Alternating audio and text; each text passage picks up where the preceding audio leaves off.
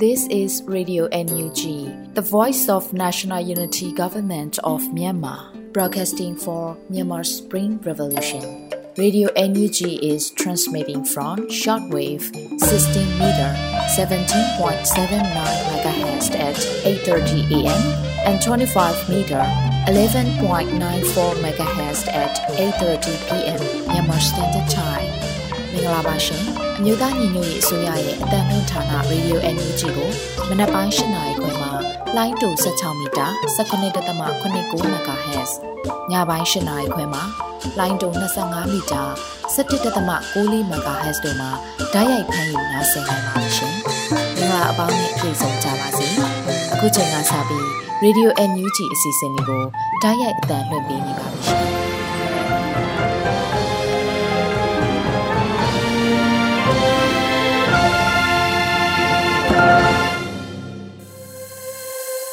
ရေဒီယို NUG သောရရှင်ပေါင်းနဲ့မြန်မာနိုင်ငံသူနိုင်ငံသားပေါင်းတဘာဝပြီးစစ်အာဏာရှင်ပြည်တို့ကနေကင်းဝေးပြီးကိုစိတ်နှဖျားစမ်းမချမ်းသာလို့ဘေးကင်းလုံခြုံတဲ့နှစ်သက်ဖြစ်ပါစေလို့ရေဒီယို NUG အဖွဲ့သားတွေကဆုတောင်းမြတ်တာပို့တာပေးလိုက်ရပါတယ်ရှင်။မင်္ဂလာညနေခင်းပါရှင်။ဒီကနေ့2024ခုနှစ်ဇန်နဝါရီလ3ရက်နေ့ရေဒီယို NUG ညပိုင်းအစီအစဉ်လေးကိုစတင်ထုတ်လွှင့်ပေးပါတော့မယ်။ပထမအဦးဆုံးအနေနဲ့ပြည်တွင်းသတင်းတွေကိုတော့ရန်နိုင်ကဖတ်ကြားတင်ပြပေးသွားမှာဖြစ်ပါတယ်ရှင်။ ရေဒီယို NUG သောတာရှင်များမင်္ဂလာပါခင်ဗျာခုချိန်အစပြီး2024ခုနှစ်ဇန်နဝါရီလ3ရက်နေ့ညပိုင်းပြည်တွင်သတင်းများကိုကျွန်တော်ရန်နိုင်ကတင်ဆက်ပေးပါတော့မယ်ပထမဆုံးသတင်းအနေနဲ့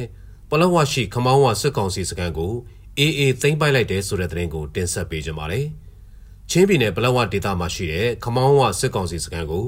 ရခိုင်တပ်တော် AA ကတိုက်ခိုက်သိမ်းပိုက်နိုင်ခဲ့ပြီလို့ ညီတော်မဟာမိတ်သုံးဘွဲကထုတ်ပြန်ပါတယ်။ပလောဝဒေတာတွင်းမှာရှိတဲ့စစ်ကောင်စီရဲ့ခမောင်းဝစခန်းကိုဇန်နဝါရီလ2ရက်နေ့မှာရခိုင်တပ်တော် AA ကအပိသက်သိမ်းပိုက်လိုက်တာဖြစ်တယ်လို့သိရပါတယ်။လက်နက်ချအညံ့မခံသေးတဲ့စခန်းကြီးစခန်းငယ်တွေနဲ့တဝက်တစ်ပြက်ကြံနေသေးတဲ့စခန်းတွေကိုလည်းယခုတစ်ပတ်အတွင်းမှာအပိသက်တိုက်ခိုက်သွားမှာဖြစ်တယ်လို့လည်းညီတော်မဟာမိတ်သုံးဘွဲကအသိပေးထားပါတယ်။10နှစ်ခွန်စစ်စင်ရေး68မြောက်နေ့တိုက်ပွဲသတင်းများထုတ်ပြန်ရမှာအခုလိုထည့်သွင်းဖော်ပြထားတာဖြစ်ပါတယ်။ ညီတော်မာမိတ်သုံးဘွဲကဇန်နဝါရီလ2ရက်နေ့စေရေးသတင်းတွေကိုထုတ်ပြန်ရမှာကြောက်တော်မြို့နယ်တဲမကျေးရွာအနီးမှာရှိတဲ့စစ်ကောင်စီအခြေချတောင်ရှိတောင်ဗျူဟာကုန်းကိုရခိုင်တပ်တော် AA ကထိုးစစ်ဆင်တိုက်ခိုက်နေပြီးစစ်ကောင်စီဘက်ကဗျူဟာကုန်းမကြရေးအတွက် Jet Fighter 2စင်းနဲ့လေကြောင်းကနေအပြင်းထန်ခုခံနေတဲ့အပြင်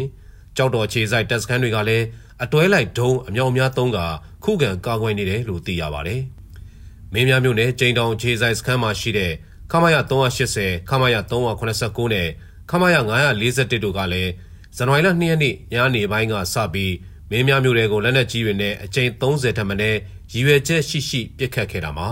ပြည်တော်သားရက်ွက်တဲ့လက်နက်ကြီးကြီး၃လုံးကြားရောက်ပောက်ကွဲခဲ့တာကြောင့်အိမ်၃လုံးနဲ့မူလာရန်ကျောင်းပြိုကျပျက်စီးခဲ့တယ်လို့ထုတ်ပြန်ချက်မှာဖော်ပြထားပါတယ်။ဒါပြင်စစ်ကောင်စီတပ်ကပစ်ခတ်လိုက်တဲ့လက်နက်ကြီးကြီးတစ်လုံးမင်းပြားမျိုးမှဈေးတွင်ကြားရောက်ပောက်ကွဲခဲ့တာကြောင့်ဆိုင်ငန်းအချို့ပြိုကျပျက်စီးခဲ့ပြီး မင်းပြားစေယုံကြီးနီးမှာရှိတဲ့ကြီးပြူကျေးရွာတွင်းကိုလည်းလက်နက်ကြီးကြီးတွေကြားရောက်ပောက်ကွဲခဲ့တာကြောင့်ပျက်စီးဆုံးရှုံးမှုအချို့ရှိခဲ့တယ်လို့သိရပါတယ်။အလားတူကြောက်တော်မြို့နယ်မြောက်တောင်ရွာကိုစစ်တပ်ကဒရုန်းအသုံးပြုပြီးဘုံကျဲတိုက်ခိုက်ခဲ့တာကြောင့်ကလေးတူပါဝင်2ဦးသေဆုံးခဲ့ပြီး4ဦးဒဏ်ရာရခဲ့တယ်လို့လည်းထုတ်ပြန်ထားပါတယ်။ရခိုင်တပ်တော် AA ဟာပြီးခဲ့တဲ့ဒီဇင်ဘာလ29ရက်နေ့ကပလောဝမြို့မှာရှိတဲ့ခွဲဗျူဟာကုန်းကိုသိမ်းပိုက်နိုင်ခဲ့တယ်လို့ဒီဇင်ဘာလ28ရက်နေ့မှာလည်း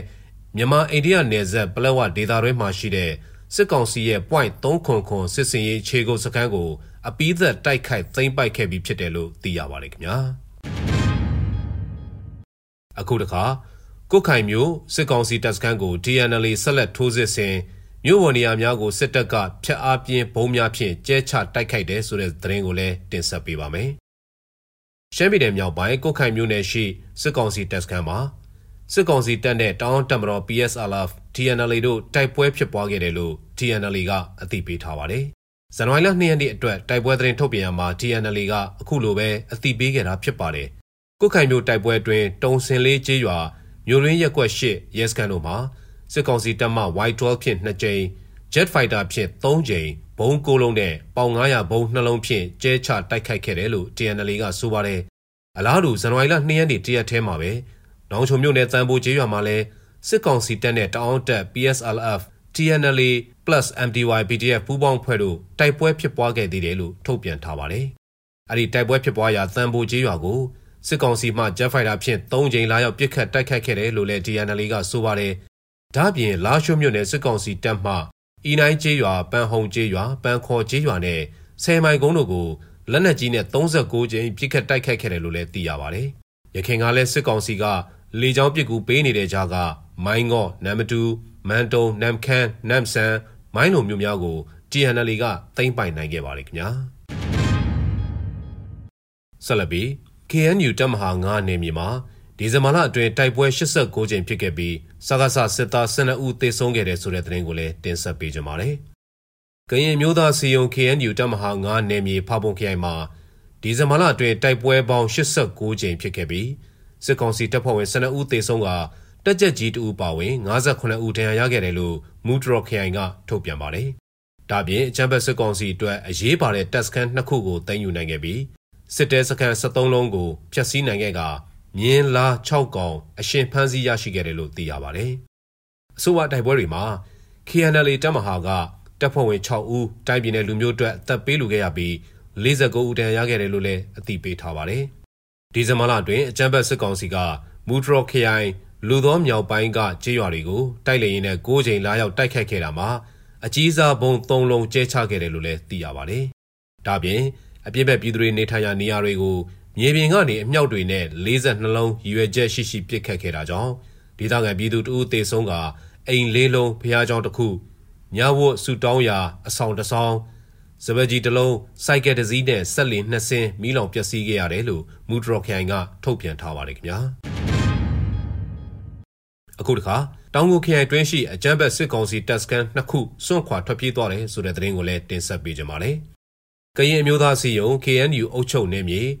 တော်ဦးတောင်ကိုခရိုင်တပ်မဟာနှစ်အတွင်းရှိအကြမ်းဖက်စစ်ကောင်စီတပ်စခန်းနှစ်ခုစခန်းကိုစွန့်ခွာထွက်ပြေးသွားတယ်လို့ဇန်နဝါရီလ3ရက်နေ့မှာ KNU ဗဟိုကအသိပေးဆိုပါတယ်။ တောင်ကိုခရိုင်ထောတထူထန်းတပင်မြို့နယ်မူနေပွားကျေးရွာအုပ်စုတွင်းရှိဖလေးစာလိုကျေးရွာဘိုးဘွားပိုင်တင်းချိုင်းမြေနယ်ကလောမီတဲကျေးရွာပိုင်းမြေအတွင်းတက်ဆွဲထားကြတဲ့စကခ20လောက်မှရှိတဲ့ခမရ981တပ်စခန်းနှစ်ခုမှစစ်ကောင်စီတပ်သားများစခန်းကိုစွန့်ခွာထွက်ပြေးသွားခဲ့တာပါဒီဇင်ဘာလ31ရက်နေ့မှာဖလေးစာလိုစခန်းနဲ့ဇန်နဝါရီလ2ရက်နေ့မှာကလောမီတဲစခန်းတို့အသီးသီးစွန့်ခွာထွက်ပြေးသွားခဲ့တာဖြစ်ပြီးအဲ့ဒီစခန်းတွေကို KNL တပ်ရင်း6မှနယ်မြေရှင်းလင်းဆောင်ခဲ့ပြီးမီးရှို့ဖျက်ဆီးခဲ့တယ်လို့သိရပါတယ်ဒီစခန်းတွေကိုကရင်မျိုးသားလူမျိုးရေးတပ်မတော် KNL ကရိတ်ခါလမ်းကြောင်းဖြတ်တောက်ထားတာဟာဖလေးစာလိုတက်စကန်မှာ6လခန့်နဲ့ကလိုမီတာတက်စကန်မှာ3လခန့်ကြာမြင့်ပြီဖြစ်တာကြောင့်စစ်ကောင်စီတပ်သားတွေဒုက္ခများစွာခံစားပြီးနောက်ဆုံးမှာစခန်းကိုစွန့်ခွာထွက်ပြေးသွားတာဖြစ်တယ်လို့ KNU ကဆိုပါတယ်။အဲ့ဒီစခန်းတွေကိုနယ်မြေရှင်းလင်းဆောင်ရွက်စဉ်အတွင်း ဖလေးစာလိုတက်စကန်တွေမှခဲယမ်းများစွာကိုတင်စီရမိခဲ့တယ်လို့လည်းသိရပါတယ်ခင်ဗျာ။ခုဆက်လက်ပြီး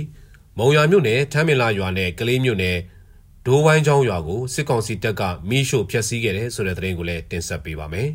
။စကိုင်းတိုင်းမုံရွာမြို့နယ်ထမ်းမင်လာကျေးရွာနဲ့ကလေးမြို့နယ်ဒိုးဝိုင်းချောင်းကျေးရွာကိုစစ်ကောင်စီတပ်ကဝင်ရောက်မီးရှို့ဖျက်ဆီးခဲ့တာကြောင့်အရသာပြည်သူပိုင်းနေများပျက်စီးခဲ့ရတယ်လို့ဒေသခံတွေကဆိုပါတယ်။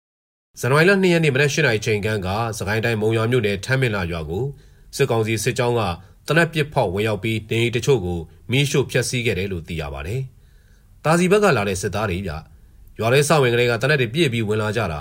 ရွာထဲရှိတဲ့သူတို့လိုချင်တဲ့ပစ္စည်းတွေယူပြီးအိမ်သုံးလုံးကိုမီးရှို့သွားတယ်လို့ဒေသခံတူကဆိုကြောင်းခေတ်သစ်မီဒီယာမှာဖော်ပြထားပါတယ်စစ်ကောင်စီစစ်ကြောင်းပြစ်ခတ်ဝင်ရောက်လာတဲ့အတွက်ကြောင့်ထမ်းမင်လာရွာနဲ့အနီးပတ်ဝန်းကျင်ကျေးရွာများကပြည်သူတွေထွက်ပြေးတိမ်းရှောင်နေရတယ်လို့လည်းသိရပါတယ် အလားတူဇန်နဝါရီလ၁ရက်နေ့ည၈နာရီခန့်မှာစကိုင်းတိုင်းကလေးမြို့နယ်ဒိုးဝိုင်းချောင်းရွာကနေအိမ်တလုံးကိုလည်းစစ်ကောင်စီတပ်ကမီးရှို့ဖျက်ဆီးခဲ့တယ်လို့ဒေသခံပြည်သူတွေကပြောပါတယ်ပြီးခဲ့တဲ့2023ခုနှစ်ဒီဇင်ဘာလ29ရက်နေ့ကလည်းမုံရွာမြို့နယ်တောင်မာရောကျေးရွာကိုစစ်ကောင်စီတပ်ကဝင်ရောက်ခဲ့ပြီးကျေးရွာကလင်မယားနှစ်ဦးကိုပြစ်ခတ်တပ်ဖြတ်ခဲ့သေးတယ်လို့သိရပါတယ်ခင်ဗျာအခုတခါ စစ်အာဏာသိမ်းပြီးတဲ့နောက်မြန်မာကလေးငယ်6တန်းကျော်ကျန်းမာရေးစောင့်ရှောက်မှုနဲ့ပညာသင်ခွင့်ဆုံးရှုံးခဲ့ကြောင်းယူနိုချာပြောကြားတဲ့သတင်းကိုလည်းတင်ဆက်ပေးပါမယ်မြန်မာနိုင်ငံမှာစစ်တပ်ကအာဏာသိမ်းယူလိုက်တာရဲ့နောက်ဆက်တွဲဆိုးကျိုးအနေနဲ့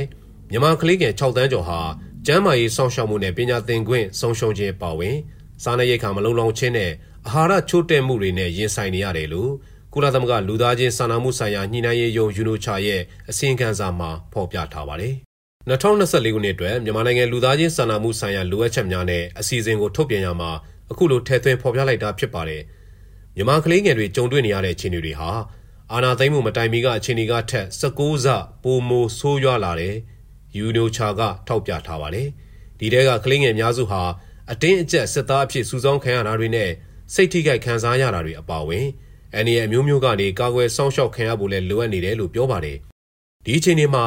2020ခုနှစ်အာဏာသိမ်းပြီး3နှစ်နီးပါးအကြာမြန်မာနိုင်ငံရဲ့စိတ်မချမ်းမြေ့စရာလူသားချင်းစာနာမှုအခြေအနေကိုထင်ဟပ်နေတာဖြစ်တယ်လို့အသိပေးထားပါတယ်။ဒါပြင်မြန်မာနိုင်ငံမှာလူသားချင်းစာနာထောက်ထားမှုဆိုင်ရာအကူအညီလိုအပ်နေသူအရေအတွက်ဟာ18.3သန်းအထိရှိလာပြီးဒါဟာတနိုင်ငံလုံးမှာရှိတဲ့လူဦးရေရဲ့3ပုံတပုံခန့်ရှိကရခင်နှစ်ကထက်တသန်းကျော်ပိုများလာတယ်လို့ပြောပါတယ်။စစ်အာဏာသိမ်းမှုကြောင့်အိုးအိမ်ဆွန့်ခွာထွက်ပြေးရသူ2သန်းကျော်အထိရှိလာပြီလို့ UN ကထုတ်ပြန်ထားပြီးလည်းဖြစ်ပါတယ်။ မြန်မာနိုင်ငံမှာလူသားချင်းစာနာထောက်ထားမှုဆိုင်ရာအကူအညီလိုအပ်မှုများမြင့်တက်လာချိန်မှာစစ်တပ်က10နှစ်ခွန်စစ်စင်ရေးအပေါ်တုံ့ပြန်မှုတွေကြောင့်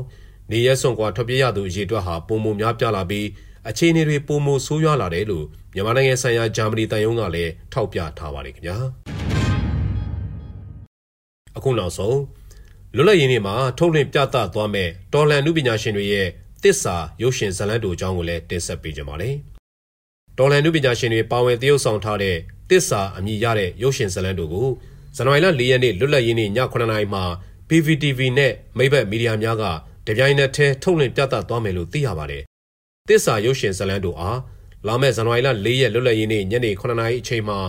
တော်လန်သူပြည်သက်များခန်းစားကြည့်ရှုနိုင်မှုအတွက် PVTV နဲ့ Maybet Media Channel များကတဆင့် free to air တပြိုင်နက်တည်းထုတ်လွှင့်ပြသသွားမှာဖြစ်ပါတယ်လို့ PVTV ကအသိပေးထားပါတယ်။ အဲဒီရုပ်ရှင်ဇာတ်ကားမှာတော်လန်နုပညာရှင်များဖြစ်တဲ့အောင်မြင့်မြတ်၊ဖုံးဆက်သွင်း၊အောင်လေးနဲ့ဒေါင်းကြီးတို့အဓိကပါဝင်သရုပ်ဆောင်ထားကြပါတယ်။ဇာတ်ကားမှာပါဝင်ထားတဲ့သရုပ်ဆောင်ဖုံးဆက်သွင်းကတော်လိုင်းကာလာတက်နိုင်တဲ့ဘက်ကကူပေးရင်ကိုယ်နာမည်မြင်ပြီးဂုံရတဲ့ခိုက်တန့်တွေလို့၎င်းရဲ့ခန်းစားချက်ကို Facebook လူမှုကွန်ရက်မှာရေးသားထားပါတယ်။ရုပ်ရှင်ပိုစတာမှာသရုပ်ဆောင်အောင်မြင့်မြတ်ကတက်မ66တစိမ့်ပါစစ်တပ်ဝတ်စုံကိုဝတ်ဆင်ထားတဲ့အတွက်ကြောင့်၎င်းနဲ့ရင်းနှီးသူများကလူမှုကွန်ရက်မှာစနှောက်နေကြပါတယ်။ အဲ့ဒီဇကားကိုကိုနေဖုံးလက်ကထုတ်လုပ်ခြင်းဖြစ်ပြီးတာတီရဲ့ဇလံကိုတာလှကဇညွှန်းရေးကဒရိုက်တာမိုးသွန်းကရိုက်ကူးထားတာဖြစ်ပါတယ်။ဇကားတိဖြတ်ကိုတော့ဒရိုက်တာနာကြီးကဖန်တီးပေးထားပြီးဂီတာပိုင်းကိုအဆိုတော်လင်းလင်းကတောင်းယူထားတယ်လို့သိရပါတယ်ခင်ဗျာ။အခုတင်ပြခဲ့တဲ့သတင်းတွေကို Radio NUG သတင်းတောက်ကိုခန့်နဲ့မင်းစစ်သွေးတို့ကပေးပို့ထားတာဖြစ်ပါတယ်ခင်ဗျာ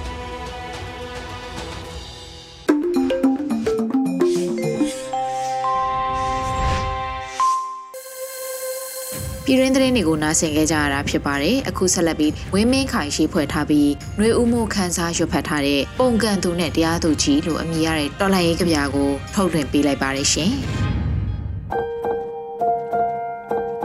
ပုံကန်သူနဲ့တရားသူကြီးသူအခန်းထဲဝင်လာတော့ငါတို့မတ်တရဲ့အယုတ်အသေးပေးရတယ်။လှုပ်ထုံးလုံနည်းတွေအတိုင်းအဆင့်ဆင့်ပြီးခဲ့ပြီးပြီမို့လို့ ဒီအခန်းထဲငါလာရတာဒါနောက်ဆုံးပဲဖြစ်လိမ့်မယ်။စေရီကစာရွက်စာတမ်းတစ်ထပ်သူ့ရှေ့ချထားပြီးတဲ့နောက်တိတ်ဆိတ်ငြိမ်သက်အစီပြန်ဖောင်းကားသူ့မျက်နှာကိုဘူးတဲ့ကတစ်ရှူးတစ်စထုတ်တုပ်ရင်အဝင်တကားကိုလှမ်းကြည့်အိန္ဒြေရရတစ်ချက်တန်းနေနောက်တစ်ချိန်တိုင်ကက်နိုင်ကိုမော့ကြည့်နေတော့လူတယောက်ခက်မှန်မှန်ပဲဝင်လာတယ် စာရွက်ခေါက်တစ်ခုသူ့စပွဲပေါ်ရောက်လာတယ်စာရွက်ခေါက်ကိုဖြန့်ချလေချောင်းတစ်ချက်ရှင်း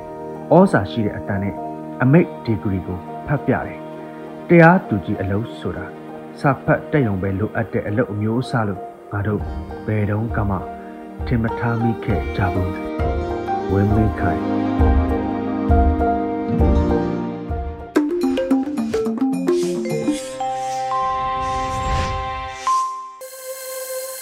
အခုဆက်လက်ပြီးသတင်းနဲ့အတူလူထုစကားသံအစီအစဉ်ကိုတင်ဆက်ပေးပါမယ်ဒီအစီအစဉ်ကိုတော့မကြေးမုံကပေးပို့ထားပြီးလွတ်လပ်နေဦးကတင်ဆက်ပေးထားတာဖြစ်ပါတယ်ပြည်ရင်တလိษံအစာထုတ်လုပ်မှုကျဆင်းလာပြီးတာငါထုတ်လုပ်သူတွေလည်းအရှုံးပေါ်နေတယ်ဆိုတဲ့အကြောင်းအရာကိုနားဆင်ကြရမှာပဲဖြစ်ပါတယ်ရှင်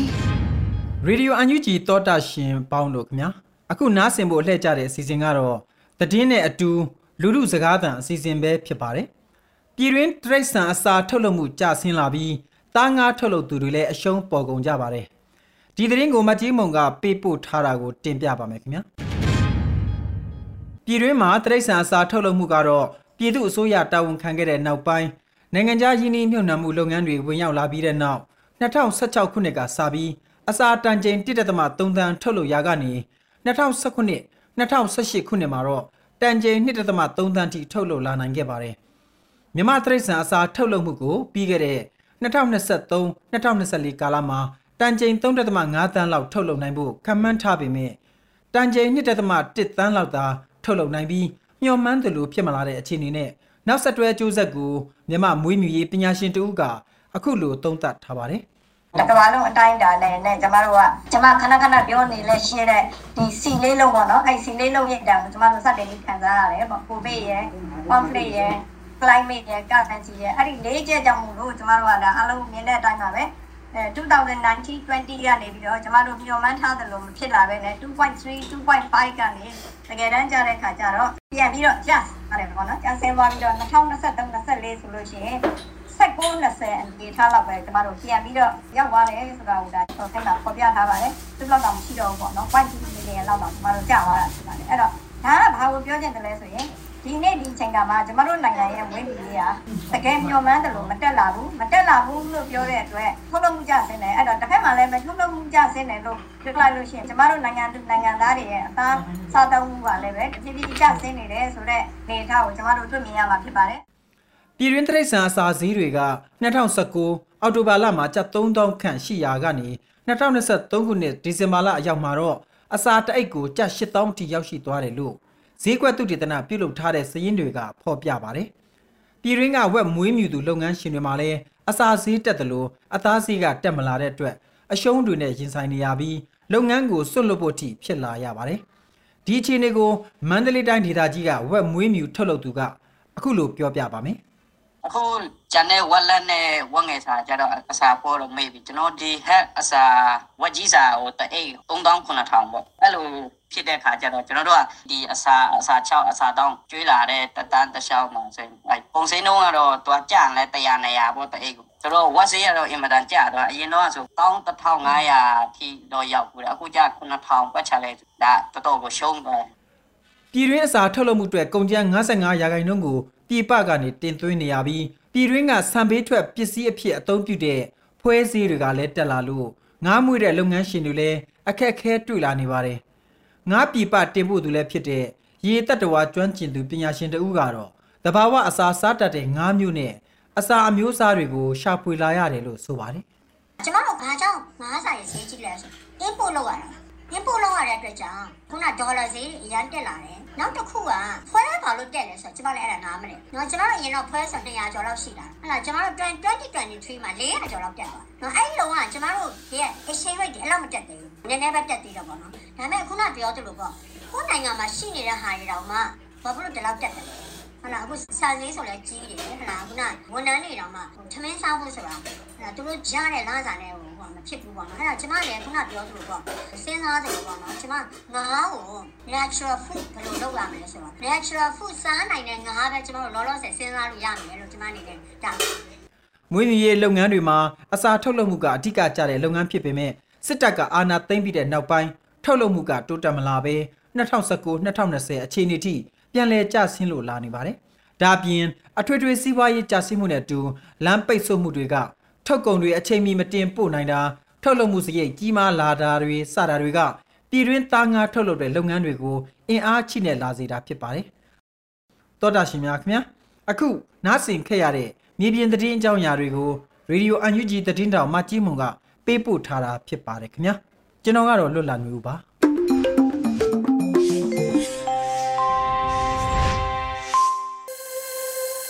ရေဒီယိုအန်ယူဂျီမှာဆက်လက်အသံလွှင့်နေပါတယ်အခုဆက်လက်ပြီးတော်လန်ရေးတေးဂီတာအစီအစဉ်မှာတော့တော်လန်အမှုပညာရှင်တွေဖန်တီးတင်ဆက်ထားတဲ့ Until We See the Light လို့အမည်ရတဲ့တော်လန်ရေးတေးသချင်းကိုနားဆင်ကြရမှာပဲဖြစ်ပါတယ်ရှင်။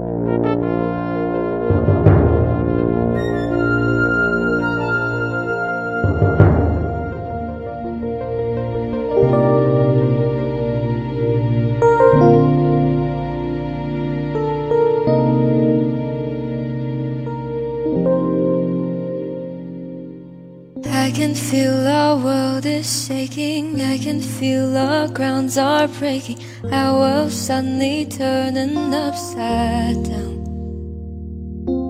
Our hearts slowly catching fire. Our souls are slowly getting tired. We won't stop until we make it right.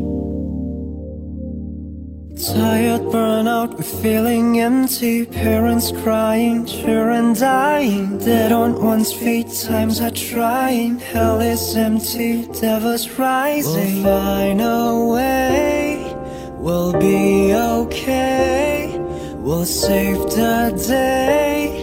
and clear the gray. Don't stop, we keep on going. Don't stop, we keep on fighting. Don't stop, we let a fire burn until we see the light. Don't stop, we stay united. Don't stop, we stay ignited. Don't stop, we let a fire burn right through the darkest time. We'll make it right to see the light that shines.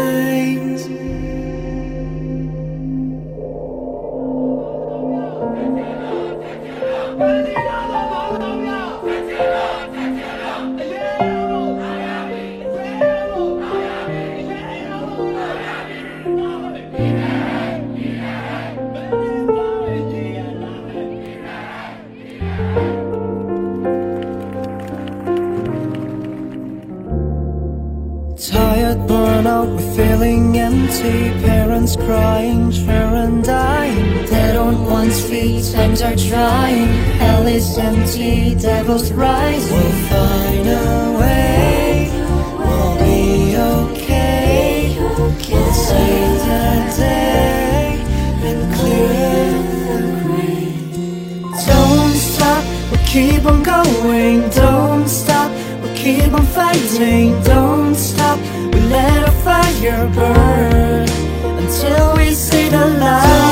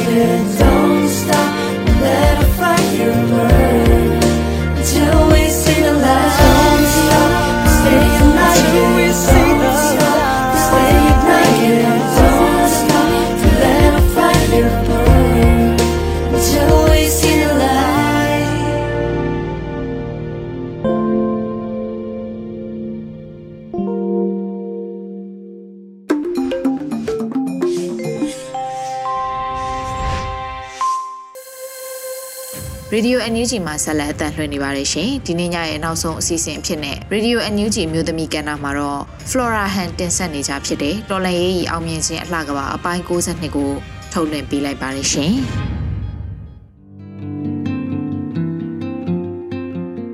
အားလုံးပဲမင်္ဂလာပါဒေါ်လာနှစ်သက်မှာပြည်သူတွေရဲ့အောင်မြင်မှုကစင်ကဲလို့ဝေးကနေသူမိသားစုဘဝလေးတွေ ပြန်လဲစုံစည်းကြပါစေကြောင်းစုမုံကောင်းတိုက်လှမ်းရပါတယ်ဒေါ်လာရဲ့၃နှစ်တာခီးမှာပြည်သူတွေရဲ့ဘဝတွေကစင်းရဲချို့တက်ခဲ့ကြရတယ်လို့ရခင်အချိန်လိုပြန်မရနိုင်သေးတဲ့မိသားစုဘဝမိသားစုတွေပြန်ဆုံနိုင်ဖို့စ조사နေသူများမိဘမဲ့ကလေးငယ်များပန်းတိုင်းမပွင့်နိုင်သေးတဲ့အနာဂတ်ရဲ့ရင်သွေးငယ်များစတဲ့စတဲ့ မြမပြည်သူများရဲ့ခံစားခဲ့ရတဲ့အာနာရှင်စနစ်ဆိုးရဲ့မိလျံအောင်မှာယနေ့အချိန်ကစလို့2024ဒေါ်လာနှစ်တင်မှာငိမ့်ညမ်းသည့်ပြည်သူပန်းတိုင်နှစ်အဖြစ်ပြည်သူအများနှလုံးသွင်းလို့ခွန်အားတက်တီတွေပိုပိုတိုးပေးကြဖို့တိုက်တွန်းခြင်းပါတယ်။နှစ်သိရဲ့ Facebook စာမျက်နှာမှာစုမုံကောင်းတောင်းတန်များက ကျမအတွက်ခွာတတိတွေဖြစ်ခဲ့ရသလိုမိသားစုခီးမဟုတ်ပဲတော်လန်ခီးမှာမိဝေဖာဝေစေမျိုးကင်းသည့်အရက်ဒေတာတွေမှာနေထိုင်ကြရတဲ့တော်လက်ဘက်တော်သားများပြည်သူဘက်တော်သားများကို ကျမလိုပဲအခက်ခဲများစွာရင်ဆိုင်ကြောဖြတ်ရင်စိတ်သက်ရေးရာကားစားလို့စောင်းနေရေးဆိုထတ်တူရှိနေပေးသူတယောက်အဖြစ် ကျမ ပြောကြားလိုပါတယ်ရင်ပတ်ချင်းတူတူများရဲ့နေရဲ့အဟောင်းတွေကိုဖြတ်ကျော်ခဲ့ကြသလိုနေသစ်များရဲ့အလှတရားများကိုလည်းစီးကြိုလျက်ပါကျမရဲ့တူတီသောဒေါ်ကြီးကိုနှုတ်ဆက်ခြင်းငါသမီးဘာလို့လဲဆိုတဲ့စကားကအချိန်တွေကြာကြီးဝေးခွာနေရတဲ့ကျမရဲ့လမ်းစွမှုနာကျင်ကြေကွဲမှုတွေကိုဝေဝါးစေခဲ့သလို အာအင်တတိတွေတိုးခဲ့တာပါပဲကျမရဲ့အမျိုးသမီးကန္နာကဒေါ်လန်ရေးကိုခြေပြုတ်ပြီးအာနာရှင်ဖက်စစ်အကျန်းဖက်များရဲ့မျိုးသမီးများရဲ့အခွင့်အရေးလိန်ကျန်းဖက်မှု မတရားအနိုင်ကျင့်မှုယနေ့အချိန်ကျောင်းနေရွယ်ကလေးငယ်များမိသားစုစာဝန်နေရေးအတွက်ပညာရှားချိန်မှာပညာရှာခွင့်မရှိဘဲအလုံးလုံးနဲ့ရသူများဒီအတွက်တော်လန်ကာလမှာ ကျမရဲ့ဘဝအခြေအနေနဲ့ကျမဝင်းတင်မှာရှင်သန်နေကြတဲ့ပြည်သူများရဲ့ဘဝတွေကိုအများပြည်သူများသိရှိနိုင်မှုကျမရေးသားပြီးပြောဆိုခဲ့ရတဲ့အချိန်တွေကလည်းအများကြီးပါ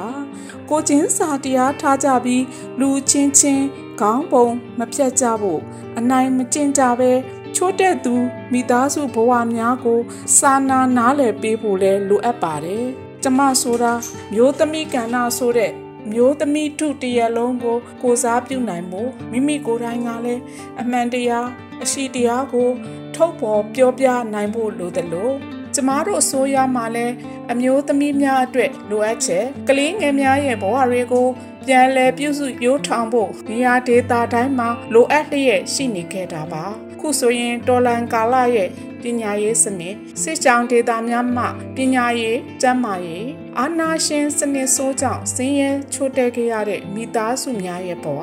ဒါတွေဟာ၃နှစ်တာကာလအတွင်းစည်ရင်မကောက်ပဲနေရာဒေတာတိုင်းမှာအနှံပြားရှိနေခဲ့ပါတယ်ဒီအတွက်ကျမတို့ပြည်သူများမှ2024ဆိုတဲ့ဒေါ်လာနှစ်တင်မှာဘယ်ကဲ့သို့သောပြုပြင်ပြောင်းလဲမှုများက ပြည်သူများအတွက်အကျိုးရလဒ်ကောင်းများရနိုင်မယ်ဆိုတာသက်ဆိုင်ရာဝန်ကြီးဌာနမှကြိုတင်ပြင်ဆင်လက်တွေ့ဆောင်ရွက်ပေးဖို့လိုအပ်ပါတယ်။ကျမအနေနဲ့ပြည်သူများအတွက်ရလဒ်ကောင်းများရနိုင်မှုဆိုရင်တကယ်မြေပြင်လက်တွေ့ဘဝတွေကိုယနေ့ချိန်ကလေးက သိရှိထားဖို့လိုသလိုပြည်သူများရဲ့လိုအပ်ချက်ဆုံးရှုံးမှုများအတွက်လက်တွေ့အကောင့်ထဲဖော်ဆောင်ရကြမှာလည်းဖြစ်ပါတယ်။ဒါမှသာလူသားတိုင်းရရမယ့်လူခွင့်ရေးဆုံးရှုံးမှုများကို ပြန်လည်ဖြည့်ဆည်းပေးနိုင်မှာဖြစ်ပါတယ်။တစ်ဖက်ကလည်းတော်လန်ရေးအောင်မြင်နိုင်ဖို့ အားကုန်ယုံလို့တိုက်ပွဲတွေဆင်နေခဲ့ကြသလိုပြည်သူများဘက်မှလည်းပြည်သူချင်းချင်းဖေးမှကူညီလို့နှစ်သက်တိုင်းမှာလူသားတိုင်းပြုံးပျော်ခြင်းဖြင့်ကျမတို့ပြည်သူတွေမဆုံးမနစ်သောဇွဲပြင်းနဲ့သုံးနှစ်တာရှောင်လန်းခဲ့ရတဲ့ခရီးကိုနှုတ်ဆက်ကြရင်2024နှစ်သစ်အတွက် အောင်မြင်မှုပန်းနိုင်ဖြစ်တဲ့ဒေါ်လန်ရေးဤအောင်မြင်မှုအလှကဘာကိုတိဆောက်ကြပါစို့လို့ဤမျိုးသမီးကန္နာလေးမှာတိုက်တွန်းနှိုးဆော်လိုက်ရပါတယ်အားလုံးကိုကျေးဇူးတင်ပါတယ်ဒီကနေ့ကတော့ဒီညနဲ့ပဲ Radio NUG ရဲ့အစီအစဉ်လေးကိုခਿੱတရနာလိုက်ပါမယ်ရှင်။မြမစံတော်ချိန်မနက်၈နာရီခွဲနဲ့ည၈နာရီခွဲအချိန်တွေမှာပြန်လည်ဆုံတွေ့ကြပါစို့။ Radio NUG ကိုမနက်ပိုင်း၈နာရီခွဲမှာ လိုင်းတူ16မီတာ19.8 MHz ညပိုင်း၈နာရီခွဲမှာလိုင်းတူ25မီတာ17.6 MHz တို့မှာဓာတ်ရိုက်ဖမ်းလို့နိုင်စေနိုင်ပါပြီ။မြန်မာနိုင်ငံသူနိုင်ငံသားတွေကိုစိတ်နှပြကျမ်းမာချမ်းသာလို့ဘေးကင်းလုံခြုံကြပါစေလို့ Radio NUG အဖွဲ့သူဖွဲ့သားတွေကဆုတောင်းမြတ်တာပို့တာနေပါတယ်ရှင်။မြေသားညီမတွေအစိုးရရဲ့စက်တော်ရင်သတင်းအချက်အလက်တွေလူပညာဝန်ကြီးဌာနက ထုတ်လွှင့်နေတဲ့ Radio NUG ဖြစ်ပါတယ်။ San Francisco Bay Area အခြေစိုက်မြန်မာမိသားစုတွေနဲ့နိုင်ငံတကာကစေတနာရှင်တို့အားပေးနေတဲ့ Radio NUG ဖြစ်ပါတယ်။အရေးတော်ပုံအောင်ရမည်